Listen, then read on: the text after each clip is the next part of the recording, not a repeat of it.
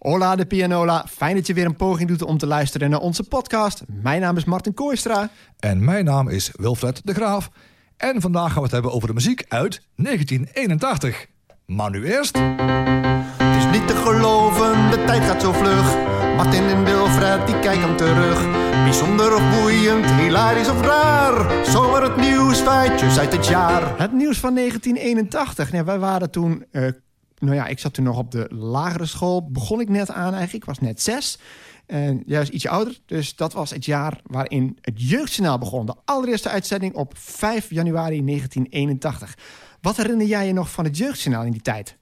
Uh, ja, wie het presenteerde. Uh, Leontien Keulemans. Ja. En ik weet ook dat het wel een, een uitkomst was van dat er echt toen heel erg zijn best gedaan werd... om alle berichten heel begrijpelijk ja, te schrijven. Ja, ik heb nou de, het leuke nu natuurlijk is uh, dat je die shows kun je bijna allemaal terugzien. De eerste die staat ook online. En toen dat muziekje kwam, dacht ik meteen... Dacht ik, ja, verrekt, dat ken ik. En dat wist ik ook altijd, want je ziet dan de letters. En je hebt jeugdjournaal, begint allebei met een J. En dan gaat het eerst naar beneden zo. J-E-U-G-T. En dan naar boven. O-U-R-N-A-A-L. En dat was gewoon de leader. Maar wat me opviel, ik heb die eerste dus teruggezien. En het begint gelijk met een verhaal dat gaat over een uh, watervergiftiging in Westland. Nogal een heftig onderwerp. En uh, op, op den duur na een inleiding worden ook kinderen van een school gevraagd uit die omgeving. Dat zijn kinderen natuurlijk van boeren, want het had te maken met uh, vergiftiging die veroorzaakt was door bepaalde gifstoffen die gebruikt werden in de landbouw. En daar werd gevraagd om hun mening te geven op, over uh, methylbromide. Ik denk nu nog, ik ben achter in de 40, denk methylbromide. What the hell is dat? En daar ging het eerste item van het eerste jeugdjournaal dus over.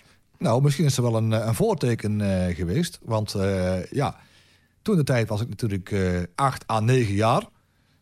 En nu, meer dan 40 jaar later, denk ik, ja... als ik het toen gehoord had, had ik het misschien wel geweten of gevraagd... vanwege mijn werk bij de zwembaden uh, groothandel met waterbehandeling. Ja, natuurlijk. Voor mij, wat, wat ik mij nog kan herinneren uit die periode... is dat, uh, dat was de tijd van de Muppet Show. En dat haal ik aan omdat er in die tijd eigenlijk elke dag... een soort horizontale programmering was. Je had dan uh, het Sesamstraat volgens mij om half zeven. Het Jeugdjournaal om kwart voor zeven. En dan kon je op Nederland 1 had je dan om zeven uur... een of andere kinderserie. En daarna de Muppet Show. En toen moest ik naar bed. Tien voor acht na de Muppet Show naar bed. En dat betekende dus dat ik als zevenjarige, zes, zevenjarige... nooit het journaal zag. En het jeugdjournaal was ook echt op een tijd dat je dat gewoon mee kon krijgen. En ik heb nog gevraagd aan mijn moeder, die heb ik vandaag nog gesproken. Ik zei, hebben jullie dat eigenlijk aangespoord? Maar ja, 40 jaar geleden, die weet dat ook niet meer. Maar ik heb dat wel regelmatig gezien, hoor. Wij keken er altijd. Uh, ook gewoon, mijn moeder keek zelf ook, uh, ook mee. Dus ja, zat er meestal met uh, mijn zus en en ik en mijn moeder met drieën meestal te kijken. Want ja, Ronald was toen nog te jong, denk ik, om het te kunnen begrijpen. Ja, maar het Jeugdjournaal is echt een uitkomst. De eerste uitzending was echt op 5 januari 1981. Maar er was nog een ander groot nieuwtje van een hele andere orde in Nederland. Ook een grote nieuwe ontwikkeling. Ja, dat was in, uh, in de Efteling. Dat was uh, de Python, die uh, werd geïntroduceerd. Hoe, hoe heb jij kennis gemaakt met de Python? Ik was sowieso ja, niet van achtbanen en zo. Dus ik, uh, ik heb wel. Uh, ik keek er een beetje. Uh, ik keek er een beetje naar. Want ja, we gingen wel eens naar de Efteling, ooit om de paar jaar. In mijn beleving waren de leukste dingen. Wat ik mooi vond, was bijvoorbeeld het, het waterorgel. Mm -hmm. Ja, als we bij de Efteling waren, wat ook gewoon ja, het Sprookjesbos vonden we geweldig. En ook gewoon het, het zwembad met die olifant op beeld. Die zwembad met die olifant in beeld, dat kan ik me niet herinneren. Nee, ik heb andere beelden daarbij. Uh, maar de Python, die kan ik me herinneren uit een heel populair tv-programma... waar ik nu op terugkijk en denk... jongen, wat is, dat, wat is dat slim gemaakt? Maar ook, daar zou ik nu nooit meer intrappen. Je kent het wellicht nog wel. Frank Kramer was toen de presentator... en die had twee grote shows. De ene was de grote, was de Frank Kramer Show... Ja, wel, de, jawel, jawel. de Frank Kramer Showfiets als een van de hoofdprijzen. En de Frank Kramer Showbal. Die had je ook nog, ja. Maar had nog een ander programma en dat was de eerste de beste. En ik weet nog dat zo rond die tijd, want dat programma was begin jaren 80 op televisie, was er een Belgische stuntman, een soort Houdini. Dus die deed ontsnappingsacts. Ja. En die beweerde dat hij voordat de Python, die, die, die werd dan vastgebonden, moet ik zeggen, op het traject van de Python. En er was berekend dat dat traject, ik, ik moet een beetje een gok doen, dat dat iets van twee minuten duurde of zoiets. En hij zat dus vastgeketend op de Python op een punt aan het einde. En hij beweerde dus dat hij voordat de Python hem bereikt had, zichzelf zou kunnen bevrijden uit die boeien. En als je daar logisch over nadenkt nu, dan denk je, zouden ze ooit het risico hebben genomen dat die gast daar geplet wordt door de Python, die toen net geopend was, was toen echt nog nieuw, want het is 81 of 82 geweest dat het op televisie was. Zouden ze het echt gedaan hebben? Nee, natuurlijk niet. Dus het was allemaal in scène gezet. Maar met spannende muziekjes en elke keer een montage. En dan zag je hem en steeds meer ging zo... Oh. oh, oh. En natuurlijk op het allerlaatste moment... Ja. hop, springt hij er vanaf. Oh, dus nu ga je echt eh, mijn illusie die ik al 40 jaar had, ga je nu wegnemen in principe. Nou, ik, natuurlijk weet ik het niet zeker, maar die illusie had ik ook. Maar je, je kunt je toch niet voorstellen dat ze überhaupt dat risico nemen? Nee, nee, nee, nee, nee. Ik ben niet zo van de achtbanen en zo, maar ik heb eh, één keer, om van al het gezeur af te zijn van uh, uh, watje, watje, ben ik overal ben ik in geweest. En op een duur denk ik, nou ja, goed, nou we toch bezig zijn, ik ga mee in het reuzenrad. Alleen volgens mij, de man die het eh, apparaat bediende, die zag volgens mij dat ik het niet zo fijn vond. Dus toen we helemaal bovenop waren met ons eh, gondeltje, hebben we volgens mij zeker een minuutje of vijf gewoon daarboven eh, gezeten. En ik zat helemaal baalder in het zweet. Ik hield me, ik hield me vast aan, aan een paar van die stangen. Vraagt mijn moeder aan mij van... Wilfred, hoe laat is het? En ik word me toch een partij boos. Want ja, toen moest ik mijn hand loslaten. Terwijl ik in zo'n heel klein, smal bakje zat. En als je naar beneden keek, was misschien wel 60 meter. Ik heb zo vermoeden dat jouw moeder gewoon een horloge had... en gewoon beter was om jou te stangen, of niet? Oeh, dat is een dubbele grap. ja, ik ken ze ook de woordspeling inderdaad. Ah, Efteling. Efteling ken ik dan vooral ook van Bassie en Adriaan. Het kwam, kwam overal op tv kwam het opduiken. Ja. Peter en de Vliegende Autobus. Kinderfilm 1978 speelde het in. En had ook nog een serie die heette Clown Flappy. Zal ik het doen of zal ik het niet doen? Ja, ik doe het. En dat speelde zich volledig af Ja. in, in de Efteling. Dus de. Efteling was onvermijdelijk heel veel op tv. En Ja. zo eigenlijk Ja. ook echt een landelijk fenomeen geworden.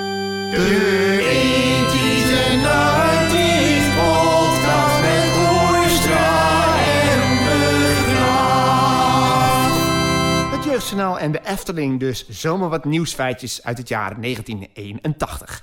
Maar nu gaan we het over de muziek hebben. En daarvoor pakken wij altijd onze muzikale bijbel, het top 40 hitdossier. Pakken wij de single top 100 en kiezen daar elk vijf platen uit... die wij zetten in een top 10, waarvan de nummer 1 degene is die het hoogste staat in de single top 100. En die vinden wij op nummer 75 en dat is Kinderen voor Kinderen met Ik heb zo waanzinnig gedroomd. Nummer 10. Ik heb zo wa wa wa waanzinnig gedroomd. Ik was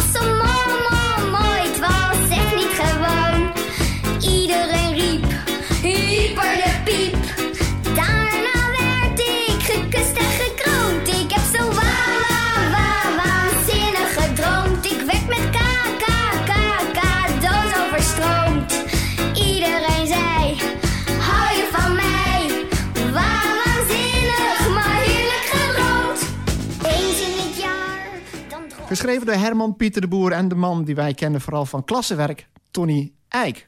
Kinderen voor kinderen, wat voor herinneringen heb jij er nog aan uit die beginjaren? Ja, uit de beginjaren. Toen al was er sprake van een soort van eh, host die zeg maar het, eh, het programma leidde. De introductie van de nieuwe LP en eh, cassette toen de tijd. En de onderwerpen waren ook gewoon goed. Ook gewoon dingen die misschien normaal gesproken niet besproken werden. Die werden wel door zo'n liedje nog even een beetje aangewakkerd. Ja, het waren echt thema's die bij kinderen speelden. En volgens Ja. mij kon je er ook brieven over schrijven. En die brieven waren de basis voor... Ja, eh, In ieder geval op de duur kwamen er ook korte sketches bij... die dan een soort aankondiging waren van de Ja, liedjes. precies. Over eh, bijvoorbeeld eh, pesten, eh, verlegenheid. Of eh, als iemand eh, een vader of moeder had eh, die een bepaald beroep had. eh, bijvoorbeeld hè, van ha, ha, ha, mijn vader. Je vader die is gek. Ja. ja. niet zo lekker, maar mijn vader is toch gek? Ja, je vader is toch gekker dan gek. Ja, en van onze generatie die kennen wij ze allemaal inderdaad. Maar ik, ik heb zo waar, waar, waar waanzinnig gedroomd. Dat is, is de grootste hit. En eh, nou ja, ik, ik, ben muzikant. Ik heb ook in een band gezeten. Lijn 7, die bestaat nog steeds. Maar dat is alweer, voor mij is het alweer 20 jaar geleden. Uh, maar daar kwam op een gegeven moment het idee... toen we Nederlandstalig gingen doen van... weet je wat leuk zou zijn? Een Kinderen voor Kinderen medley. Nou, ik heb het samen, volgens mij met Steven, onze saxofonist van toen, hebben we dat een arrangement voor gemaakt. En welke liedjes moeten daarin? Nou ja, dan zijn er eigenlijk twee liedjes die daarin terugkomen. En die, die gewoon daarin moeten. En de ene is, heb, is Ik heb zo waar waanzinnig gedroomd. En de andere is die andere hit, Op een onbewoond eiland. En die liedjes, Ik heb zo waar, waanzinnig gedroomd. Dat doe je altijd, ik heb iedereen riep. En wat roepen ze dan? Hyper, piep. En dan heb, dat is natuurlijk een punt waar je een break doet met de band. En dan het hele publiek, ongeacht hoe oud dat is... dan heb het over, over 20 jaar geleden dus... maar iedereen die zingt dat gewoon mee. En die vlamt er gewoon in. Is Kinderen voor Kinderen iets wat je ook op een feest zou kunnen draaien? Meestal niet. Maar uitzonderingen vind ik altijd uh, een, uh, een kindercarnaval. Mm -hmm. Of een faux disco uh, feestje. Jawel, kom maar weer.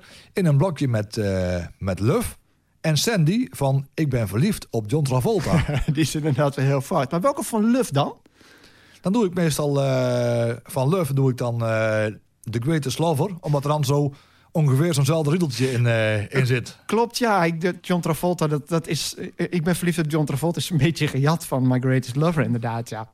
Maar Kinderen voor Kinderen wordt dat, wordt ook nooit aangevraagd dan? Nee. Oké, okay. het is echt als je er live speelt als band met een breed publiek. Eh, dat, dat sloeg altijd in als een bom. Dat is ook altijd vast in de set geweest. Dan weet je die.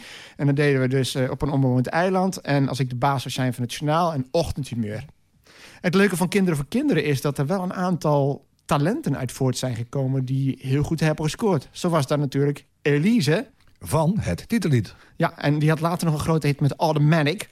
Veel later, maar die maakte haar debuut eigenlijk inderdaad als titellid. En het feit dat dat zo heet, dat men niet geprobeerd heeft van hoe gaan we dat onderwerp van meisjes die worstelen met het feit dat ze hun hormonen beginnen op te spelen en dat ze tieten krijgen. We gaan het gewoon tieten noemen, want dat zijn de woorden die kinderen zelf ook gebruiken. Ja, precies. Gewoon een beestje bij zijn naam uh, noemen. En op die manier denk ik ook gewoon, ook door zo'n liedje, dat het ook gewoon ja, de grens eigenlijk weghaalt om het bespreekbaar te maken. En wat ik niet wist, van sommigen wist ik het wel. Ik wist dat de zusjes Vlasblom uh, hadden meegedaan met, uh, met Kinderen voor Kinderen. Maar ook de andere twee dames van Frissel Sissel. Uh, ze hebben alle vier meegedaan met Kinderen voor Kinderen. En werden toen natuurlijk later geronseld voor Frissel Sissel.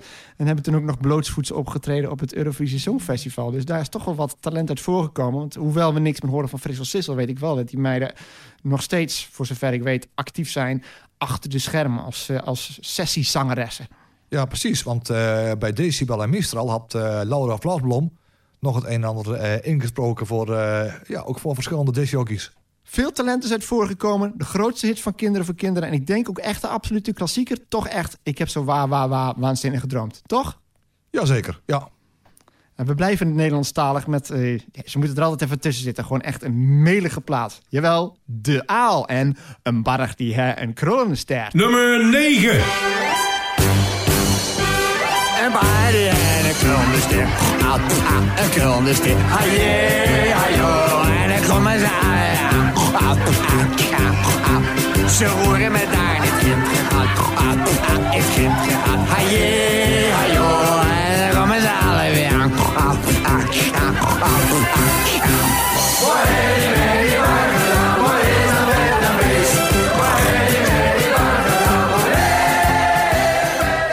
Ja, en hier komen we twee namen tegen die we vaker tegenkomen in Nederlandse muziek. En het zijn pseudoniemen, want dit is geschreven door de heren Jan Schun met C-H-E en Jan Schuns. En de tekst is natuurlijk van de aal zelf. Tenminste, voor zover je kunt spreken van de tekst. Want uh, wat hij nou eigenlijk zingt, ja, een bar die hen krollenstert, haje, hajo, en iets met wat hij met die bar gedaan. Ik heb geprobeerd op te zoeken, want je hebt veel van die sites waar de songtekst op staan. En er staan overal vraagtekens bij, dus ik weet nog steeds niet precies wat hij zingt. Maar wat, wat weet jij van de aal en over dit liedje? Ja, ik, uh, ik weet wel dat, uh, dat hij op een duur... ja, het was een, een dikke carnavalshit. en ik kreeg er ook echt helemaal compleet een, ja, een heel beeld bij, een, een déjà vu van zo'n kindercarnaval in het, uh, in het dorpshuis. En ja, ik weet nog precies wat ik aan had. En ook zo'n zo'n cowboypak en ook zo'n zo'n masker. En ik ruik als het ware nog de, de confetti die overal uh, heen gegooid was. Ja, dat was gewoon, eh, ja, was gewoon geweldig. Het was echt nog de tijd van met, ja, echt van die hoempapa eh carnaval ook, hè? Net als eh, flip, fluitketel en zo. En ja, van een beetje de voorlopers van het apres-ski eh, gebeuren, zeg maar. Echt gewoon traditioneel, prom, prom, prom. Ja, dat was gewoon eh, geweldig eigenlijk. Want jaren later, dan eh, luister je wel eens eh platen na. En denk ik ook van, nou, in, in welke toestand is die man geweest die die plaat geschreven heeft? Want ik kan er niks van maken. Nee, met al die vage geluiden tussendoor ook. Hij maakt dan geluiden met zijn mond. Dat, dat heeft waarschijnlijk wel een reden. Want hij was van beroep de aal. Hij was niet een visboer. Hoewel ik me wel kan herinneren dat hij een single heeft gemaakt... waar hij als visboer stond. Maar hij was tandarts. Ik moet wel zeggen, het is een typisch van die carnavalskrakers... die ook is blijven hangen. Want we hadden het net al over een, zien een foto van hem. En dan moet je denken aan die andere carnavalskraker uit hetzelfde jaar... van een, mm, half Nederlandse Brit, Barry Hughes. En, eh, Jazeker. ik wil op een kop een kamerbreed tapij. Ook een- zo'n lekkere stamper. En André van Duin natuurlijk met Nederland. Die heeft die bal. En ik heb hele grote bloemkolen. Ook Ja. daar, daar heb ik dan weer echt... eh, heb ik gelijk een beeld van carnaval bij. Bij hele grote bloemkolen. Ja, en de B-kant van André van Duin, eh, Nederland die heeft die bal, is we gaan naar Rome toe. En zo zijn we weer... Zij zijn we dus van de Aal naar Hughes en André van Duin gegaan. Maar nu even genoeg Nederlands. Want we hebben twee Nederlandstalige liedjes gehad. Tijd voor een echte disco-knaller. If You Could Read My Mind van Viola Wills. Nummer 8. If you could read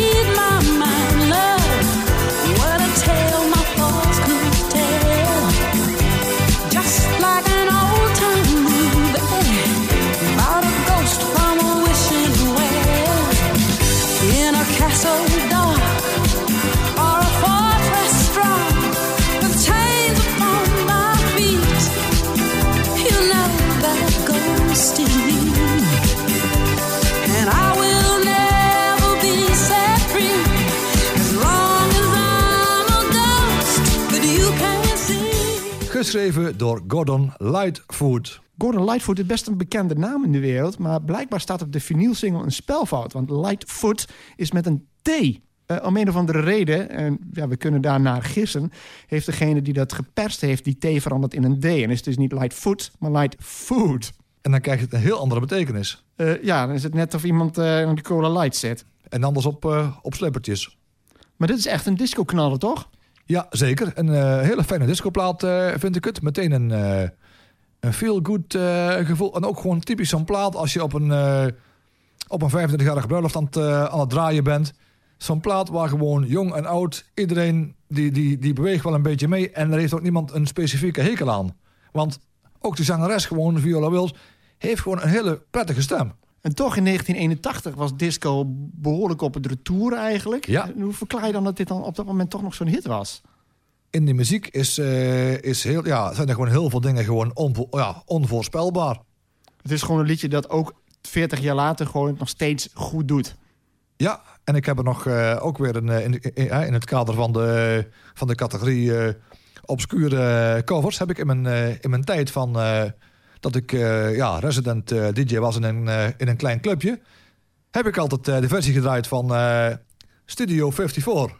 Vond ik ook een heel acceptabele versie, laat ik er wel een keer horen.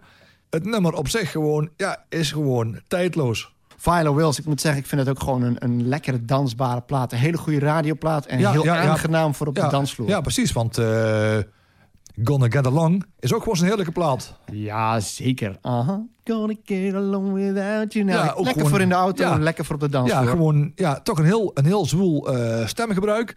En dan voor toch wel een beetje een plaat met een, waar, waar een lekker ritme in zit. Ja. En we gaan door van disco naar... eh, nou, het is geen ska, maar als je aan Madness denkt... denk je vaak wel aan ska. En toch is het het niet. Madness en Embarrassment. Nummer 7. commitment, you're an embarrassment. Yes, an embarrassment, a living endorsement. The intention that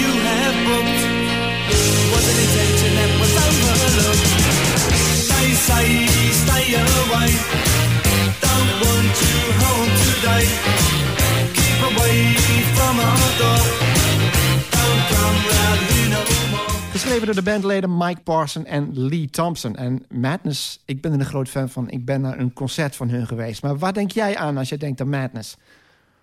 Aan Madness eh, denk ik natuurlijk ook aan, eh, aan vroeger de, de Lakeside met eh Daryl Fitton. Als Oh ja, natuurlijk. Ja, ja, ja. opkomstnummer. Ook weer de zonnebril. Ook een beetje in het, eh, in het ska-thema. Ja, we hadden het al over de two-tone in de vorige uitzending, over de, de selector. En de Daryl Fitton, die kwam natuurlijk ook niet op met een wit, niet met witte kleding, dus niet met een wit shirt, maar wel met de zwarte hoed, de zwarte zonnebril en een zwart jasje aan. Ja, op zich niet gek, want ja, zwart leed, ja voor, voor veel datters, ja, zwart leed beter af. Ja. Maar voor de rest, eh, Madness, eh, ja, het nummer wat jij opgegeven had, Embarrassed, of Embarrassment. Ook weer zo'n OJA-plaat, die je niet per se meteen bij titel kan, eh, kan noemen. Maar ik wist wel meteen op een uur van, oh ja, dat er ook een, eh, een mooie, een mooie saxofoonsolo eh in zat. Nou, ik, ik, ben, ik heb er gewoon hele goede herinneringen aan, want ik ben naar een concert van Madness geweest. En dat is gewoon het gaafste concert waar ik ooit ben geweest. Madness die speelde tijdens het WK voetbal. En toen moest Nederland in de achtste finale volgens mij tegen Mexico. En ik denk dat dat 2014 geweest is. Of 2010, moet een van die twee geweest zijn. Maar volgens mij 2014. En toen traden ze op in Tivoli in Utrecht. En dat zat wel vol. En dat is een kleine zaal overigens waar ik zat. Het zat wel redelijk vol, maar ik stond links voor het podium. Eh, niet veel verder dan ik nu van jou zit. Dus echt ongeveer 4, 5 meter hoogheid van het podium. Dat is wel ietsje verder, maar een paar meter maar van het podium.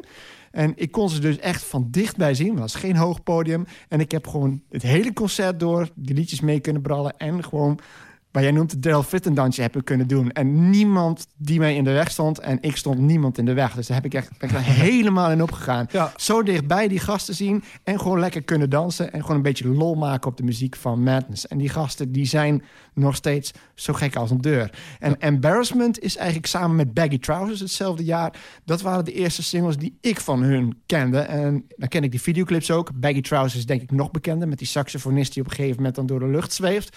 Embarrassment was datzelfde jaar. En ik vond dat gewoon hele gave liedjes. En Embarrassment is geen ska. Het is meer een popliedje. En de titel, Embarrassment, ja, dat wil zeggen eigenlijk iets om je voor te schamen. Dat is nogal een heftige titel. Dus dat is heel anders dan de vrolijke muziek van Nightboat to Cairo en One Step Beyond. En daar was ik iets te, te jong voor om dat te kennen. Dus Madness vind ik wel eens onderschat. Die moet je niet bestempelen als een ska-band. Die zijn eigenlijk al heel snel andere kanten op gegaan... en hebben echt een aantal hele mooie liedjes. En Embarrassment is daar het eerste bekende voorbeeld van. Gaan we door naar weer een, eh, een Nederlands eh, product. Namelijk, jawel, de enige echte rubberen Robbie met de Nederlandse sterren stralen overal. Nummer 6.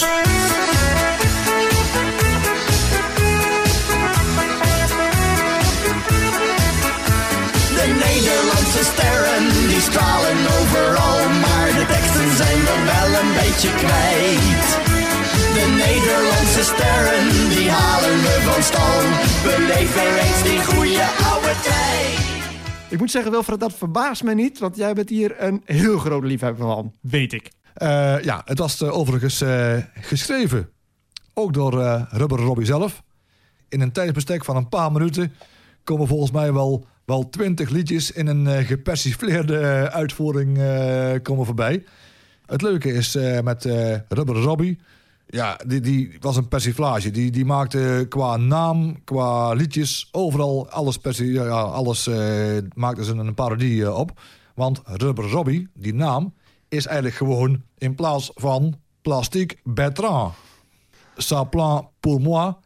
Hadden hun dus een plaat gemaakt met Geef mij maar drank. Geef mij maar drank. Ja, precies. Ik eh, ken het liedje niet, maar ik ken natuurlijk Saplan eh, ja. maar dat is makkelijk ingevuld. Ja, en sterker nog, eh, dat eh, Nederlandse Sterren is ook eigenlijk gewoon een soort van eh, kopie van Stars on 45. Ah, ook ja, ja, ook gewoon allemaal bekende liedjes. En dan deze keer met een beetje een, eh, een lekker Leids eh, accent en dan een andere tekst eh, erop. En overal zit dan een beetje als basis ook zo'n boom, pats, boom, pats. Net als dat eh, Stars on 45 eh, had. Ik vraag mij nog wel af, want ik had, het, eh, ik had vroeger het, eh, het singeltje. De B-kant, ja, want ik bestudeerde, ik bestudeerde vaak de, de singeltjes op, het, Ja, ja. Op, op de hoes, wat erop stond, wie het geschreven had, alles. De B-kant, dat was eh, in de goot. En daar heb ik eigenlijk nog nooit kunnen ontdekken of dat ook een versie is, een persiflage ergens van. Op basis van de titel zou ik het ook zo niet weten. En ik vind het ook een geweldig liedje. En mannen van Rubber Robbie die waren voorheen ook bekend onder een andere naam. Want die hebben ook nog een glamrock band gehad in de jaren 70. En hebben daar twee behoorlijke hits gehad. En daarna ook nog een aantal top 20 hits. eh, Als Catapult. En die gasten komen uit Leiden. En die hebben ook nog voor Veronica, voor een radioprogramma van Erik de Zwart, hebben zij een liedje gemaakt. En dat programma heette Mono. Ik kende het niet, maar ik weet dat het liedje begint met eh, een, een hele vage computerbeat en 60s. Dus ik vermoed dat dat een vroeg programma van Erik de Zwart was dat ging over 60s muziek. Dus ze waren met allerlei dingen bezig en dit Rubberen Robbie was eigenlijk één van de dingen die ze daarbij deden. Maar waar ze wel veruit het meeste succes mee hebben gehad. Ja, Rubber Robbie die kon ook overal heel vlug op, eh, op inspelen. Want ze maakten meteen eigenlijk binnen een aantal weken of maanden na een bepaalde hit... maakten ze een persiflage. Volgens mij hadden ze ook alles gewoon in eigen beheer. Ook gewoon een eigen studio en zo. Want dan kun je alles meteen maken. Ook gewoon zonder, zonder je eigen diep in de, hè, in, de, in de kosten te steken. En van Rubberen Robbie gaan we naar een van de sekssymbolen van die tijd. Olivia Newton-John met Physical. Nummer 5.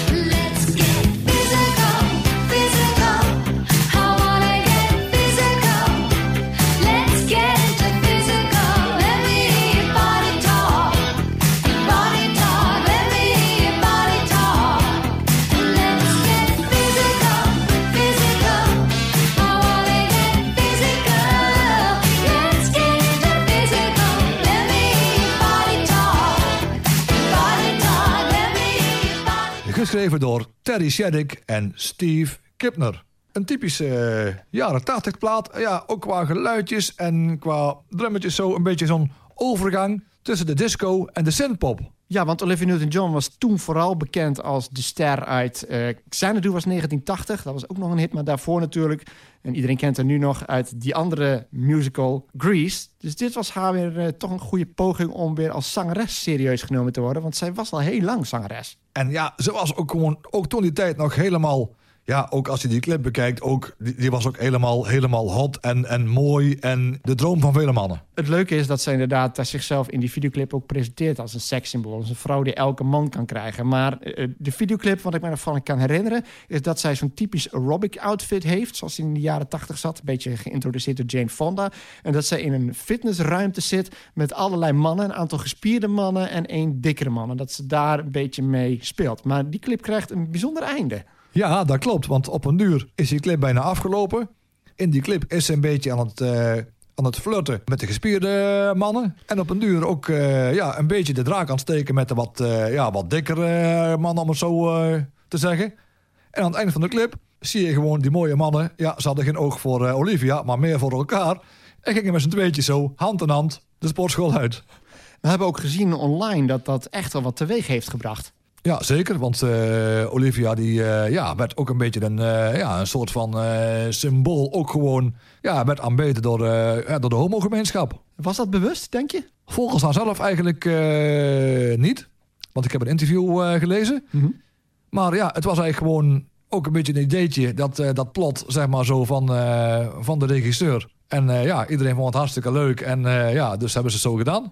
Het is een beetje zelfspot natuurlijk. Want Olivia Newton-John, je zei het al, hele mooie vrouw. Ja, en dan ja, denk ja. jij, die vrouw die kan iedere man krijgen. Dus als zij flirt met die mannen, nou die mannen die vallen als een blokverhaal. Allemaal. En precies het idee van, nee hoor, wij hebben helemaal geen interesse in jou. Eh, en dat is gewoon leuk. Een beetje de draak steken met zichzelf. En je ziet ook gewoon dat ze lol hebben in de videoclip. Vandaar ook dat, het is een beetje, als je dat nu terugkijkt, denk je de grappen en zo met die dikke man, die zijn een beetje op het randje. Maar je merkt gewoon dat iedereen daar lol in heeft. En dat het niet bedoeld is om mensen voor gek te zetten. Echt een leuke videoclip vind ik dat. Olivia Newton-John en Physical. Ja, En van de vrolijke klanken van Olivia Newton-John gaan we naar een van de zwaardere kostplaten in 1981. Phil Collins en In the Air Tonight. Nummer 4.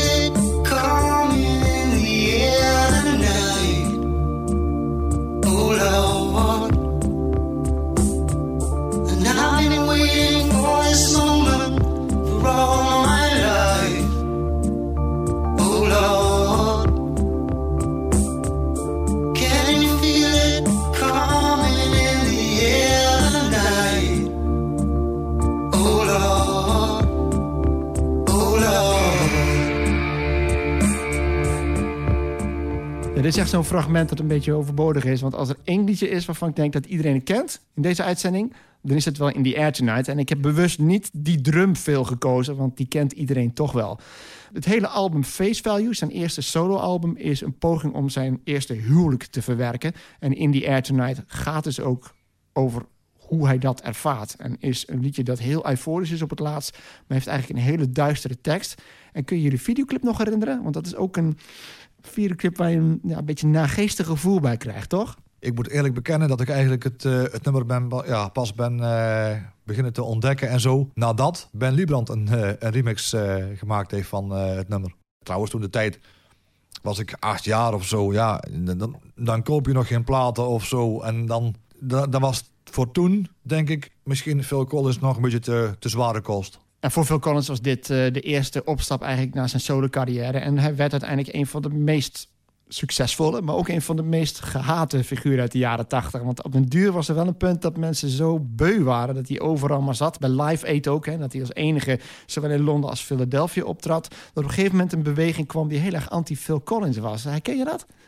Nee, niks van meegekregen. Wat, wat- wat- als jij denkt aan Phil Collins, hè, want Phil Collins is natuurlijk razend populair. Is Phil Collins iets wat, wat, je kunt, wat jij draait in jouw sets?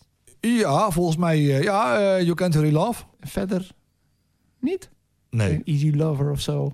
Nou, studio? Ja, ja, Easy Lover, eh Suso Sudia. Ja, kan ik graag naar luisteren, maar het zijn nog ja, niet echt platen die ik bijvoorbeeld op een, op een feest draai. Geschikt voor op de radio, maar niet zozeer Ja. geschikt voor eh, in de Ja. kroeg, zullen we maar zeggen. Of Vind- op een ja, feest. vind ik, ja. Dan gaan we naar, eh, weer eens een beetje terug in de tijd. Althans met een soort retro liedje dat een beetje tussen disco en de synthpop zit, zeg maar. Doris D en de Pins en Shine Up. Nummer 3.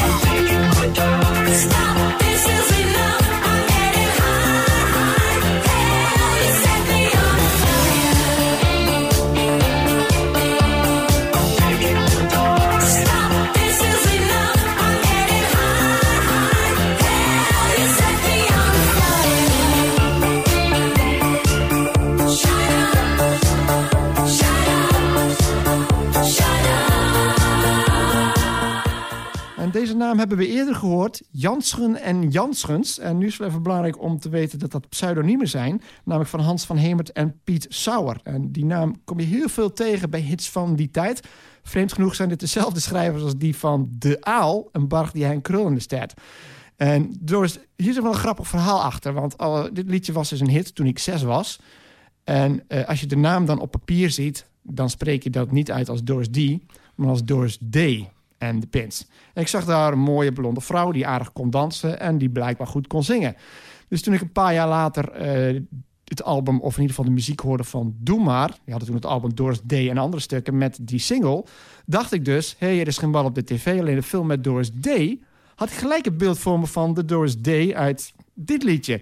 Niet wetende natuurlijk dat ze het eigenlijk hadden over iemand heel anders... die ook goed kon zingen en ook behoorlijk kon dansen... maar die ook een hele goede actrice was. Doris Day, waarvan ik een enorme fan trouwens ben. Dat is mijn favoriete actrice en een van mijn favoriete zangeressen. Maar toen pas, omdat ze het hadden over een film... denk ik, wacht even, dat meisje uit die videoclip... dat is geen actrice.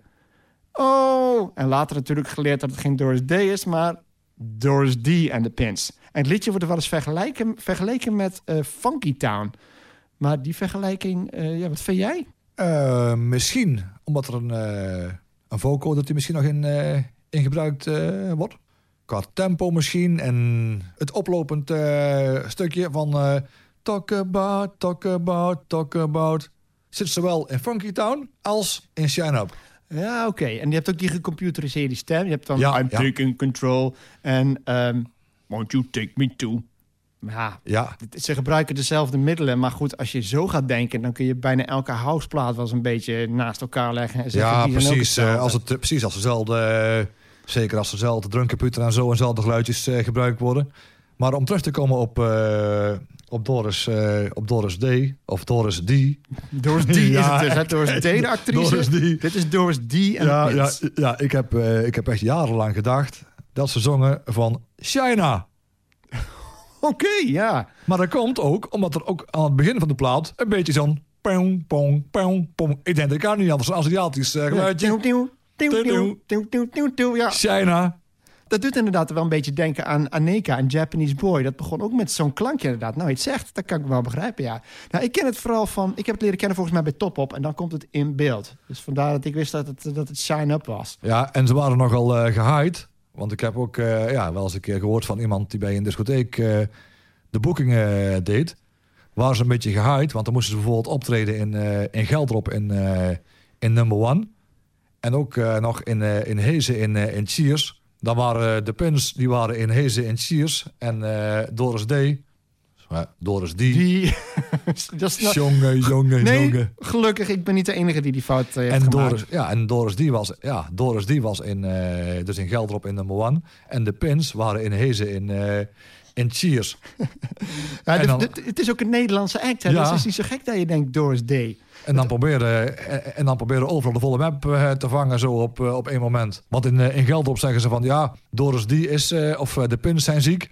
En, eh, en, en Hezen zeggen ze ja, Doris die is, eh, is ziek. Dat is slim gedaan. En in die tijd was het natuurlijk niet dat je dat even kon checken met je mobieltje van even doorsturen naar eh, hoe het precies Nee, zit. ik wil zeggen, als je, ik denk als je dan achteraf gewoon blijkt en je hebt als, als, kroeg, als kroeg-eigenaren, als discotheek-eigenaren met elkaar contact, ja, dan denk ik ook van dat het niet, niet een kwestie is van even, even geld terughalen of zo eh, gedeeltelijk. Nee, overigens, wel interessant. eh, de vrouw die in de videoclip ziet, de Doris D, heet eigenlijk Debbie Jenner. En dat was een danseres die vaak in Top Op was. Want de allervroegste series van Top Op, dat is maar een paar jaar geweest. Dan had je nog het Penny de Jager Showballet. Dat was na een paar jaar is het afgeschaft. Toen ook steeds meer van die videoclips eigenlijk kwamen.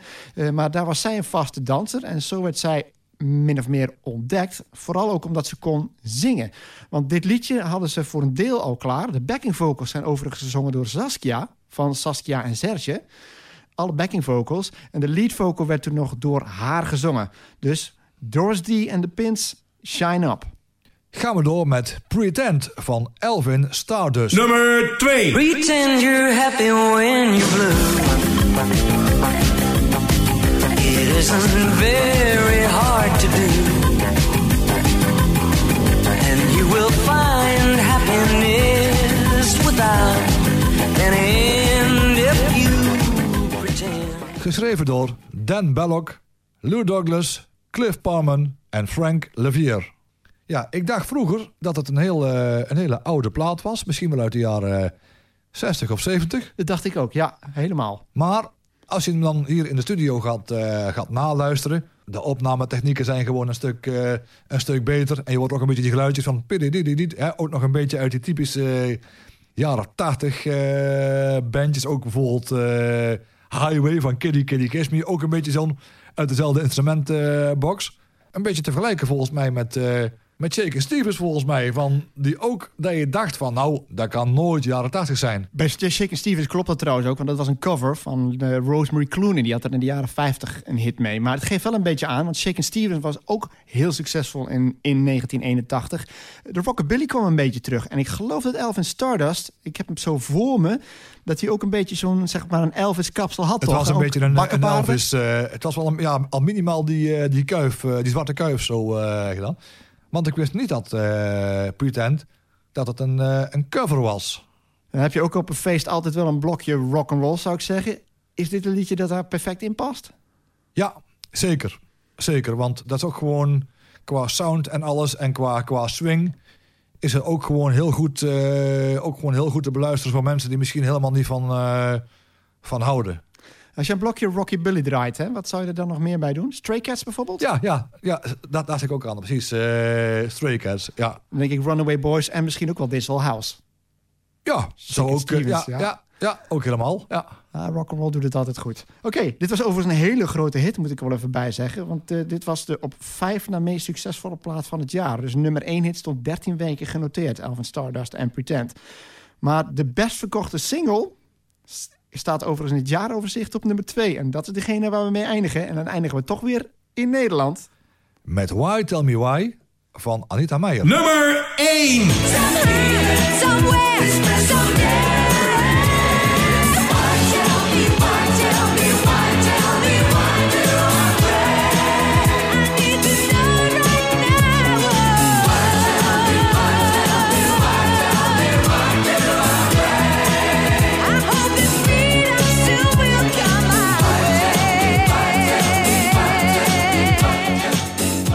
Geschreven door Piet Sauer en Gregory Elias. Piet Sauer, die naam hebben we eerder gehoord. Namelijk één van de helft van Janschen en Janschens. Dus we hadden de Aal, Doris D en de Pins. En nu ook nog Anita Meijer ter afsluiting. Allemaal geschreven door dezelfde man.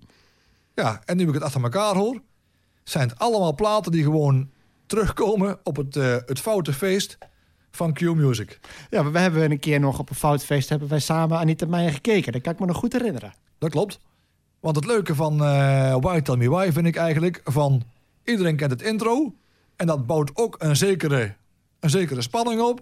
En dan als die beat erin komt, is het meteen ook van het feestgehalte. En het leuke van Anita Meijer, die is er wel eens over gevraagd. En je hebt heel veel artiesten waarbij je eigenlijk aan één liedje denkt. En dat is bij Anita Meijer is dat, zou dat zuur kunnen zijn, want die heeft meer hele grote hits gehad. Ze had al een nummer 1 hit, die Alternative Way. Ze heeft natuurlijk ook nog eh, They Don't Play a Love Song Anymore gehad en een hele grote hit met Lee Towers, Run to You. Maar toch is het liedje van Anita Meijer dat ze altijd elke keer weer moet zingen en altijd als toegif- toegift moet doen is Why Tell Me Why. Ja. Maar denk je dat ze dat erg vindt? Nee. Nee. En ik vind eh, Idaho ook goed. Ook nog een grote hit, ja. Maar zij, zij zegt echt, nou, het is geweldig om één liedje te hebben... Ja. waarvan je weet gewoon, als ik dat zing... dan wordt het publiek wordt, wordt helemaal gek. Ja, precies, Why want- Tell Me Why. Ja, precies. Want dat vind ik ooit wel eens zo, eh, ja, tussen aanhalingstekens eh flauw. Van dat een band of een artiest eh, in een interview zegt... ja, als ik, als ik live speel, dat ze dan zijn allergrootste hit... eigenlijk gewoon niet willen spelen. Maar hallo, jij bent er voor de mensen en niet andersom.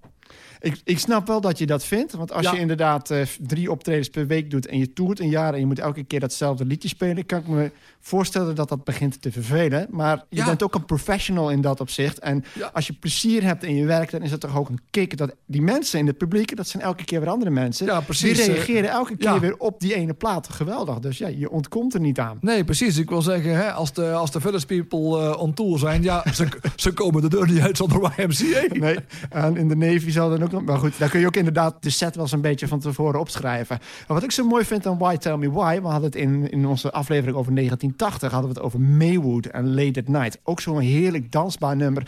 wat 40 jaar later totaal niet gedateerd is. En Why Tell Me Why... Ik vind hem gewoon nog steeds niet gedateerd. Je kunt zeggen hij is wat langzaam, maar hij is zo goed geproduceerd. En het is gewoon nog een knaller die je nou, nou volgens mij nog steeds op feesten kunt draaien. Waar iedereen nog steeds uit zijn dak gaat, toch?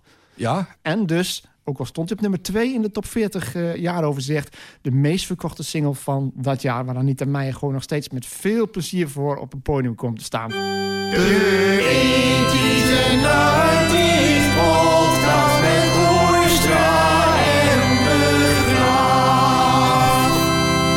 En zijn we dus van kinderen voor kinderen... via een omweg uiteindelijk toch weer uitgekomen in eigen land met Anita Meijer. En dat is ook meteen het einde van deze podcast. Leuk dat je luisterde. Houdoe! en bedankt.